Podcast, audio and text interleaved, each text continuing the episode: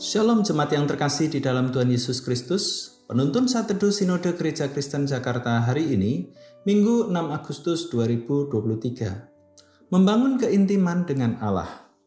Mazmur 63 ayat 1 sampai ayat yang ke-12. Demikianlah firman Tuhan. Kerinduan kepada Allah, Mazmur Daud ketika ia ada di padang gurun Yehuda. Ya Allah, Engkaulah Allahku, aku mencari Engkau. Jiwaku haus kepadamu, tubuhku rindu kepadamu, seperti tanah yang kering dan tandus tiada berair. Demikianlah aku memandang kepadamu di tempat kudus, sambil melihat kekuatanmu dan kemuliaanmu. Sebab kasih setiamu lebih baik daripada hidup, bibirku akan memegahkan engkau. Demikianlah aku mau memuji engkau seumur hidupku dan menaikkan tanganku demi namamu.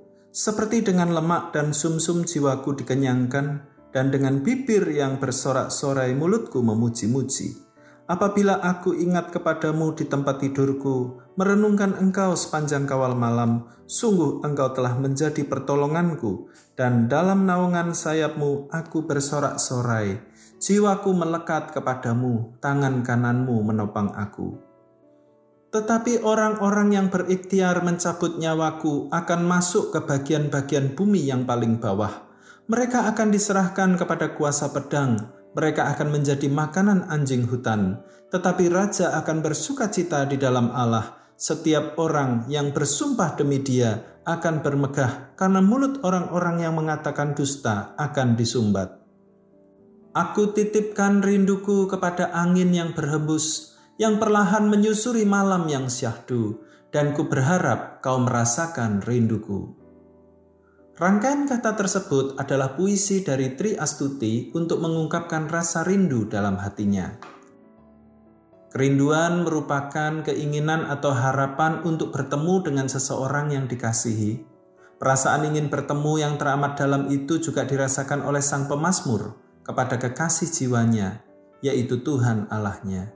Ia merangkai kata puitis untuk mengungkapkan perasaannya yang dipenuhi dengan rindu.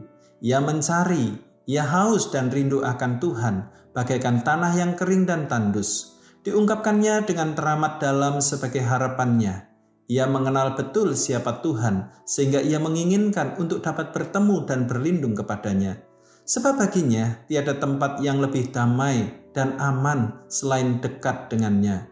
Terlebih lagi sang pemazmur merasakan banyak ancaman dari orang-orang yang berikhtiar mencabut nyawanya. Ia selalu berada dalam bahaya jika jauh dari Tuhan. Perasaannya tidaklah tenang bila jauh dari Tuhan, namun ia kembali akan merasakan sukacita di dalam Allah bila dekat dengannya. Bagaimana dengan hidup kita? Adakah kita merindukan Tuhan sebagai pribadi yang kita kasihi? Tiada yang lain yang kita ingini, kita harapkan, dan kita jadikan tempat peraduan selain dari Dia yang menjadi penolong kita satu-satunya.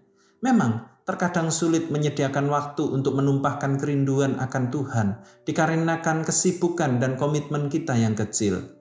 Tetapi bila kita menyadari bahwa jauh darinya, kita akan merasa seperti tanah yang gersang.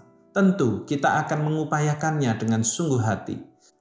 Seperti yang dikatakan oleh pemazmur sendiri di ayat yang ke-8, Sungguh engkau telah menjadi pertolonganku, dan dalam sayapmu aku bersorak-sorai. Rindukan dia di dalam setiap waktu hidup kita.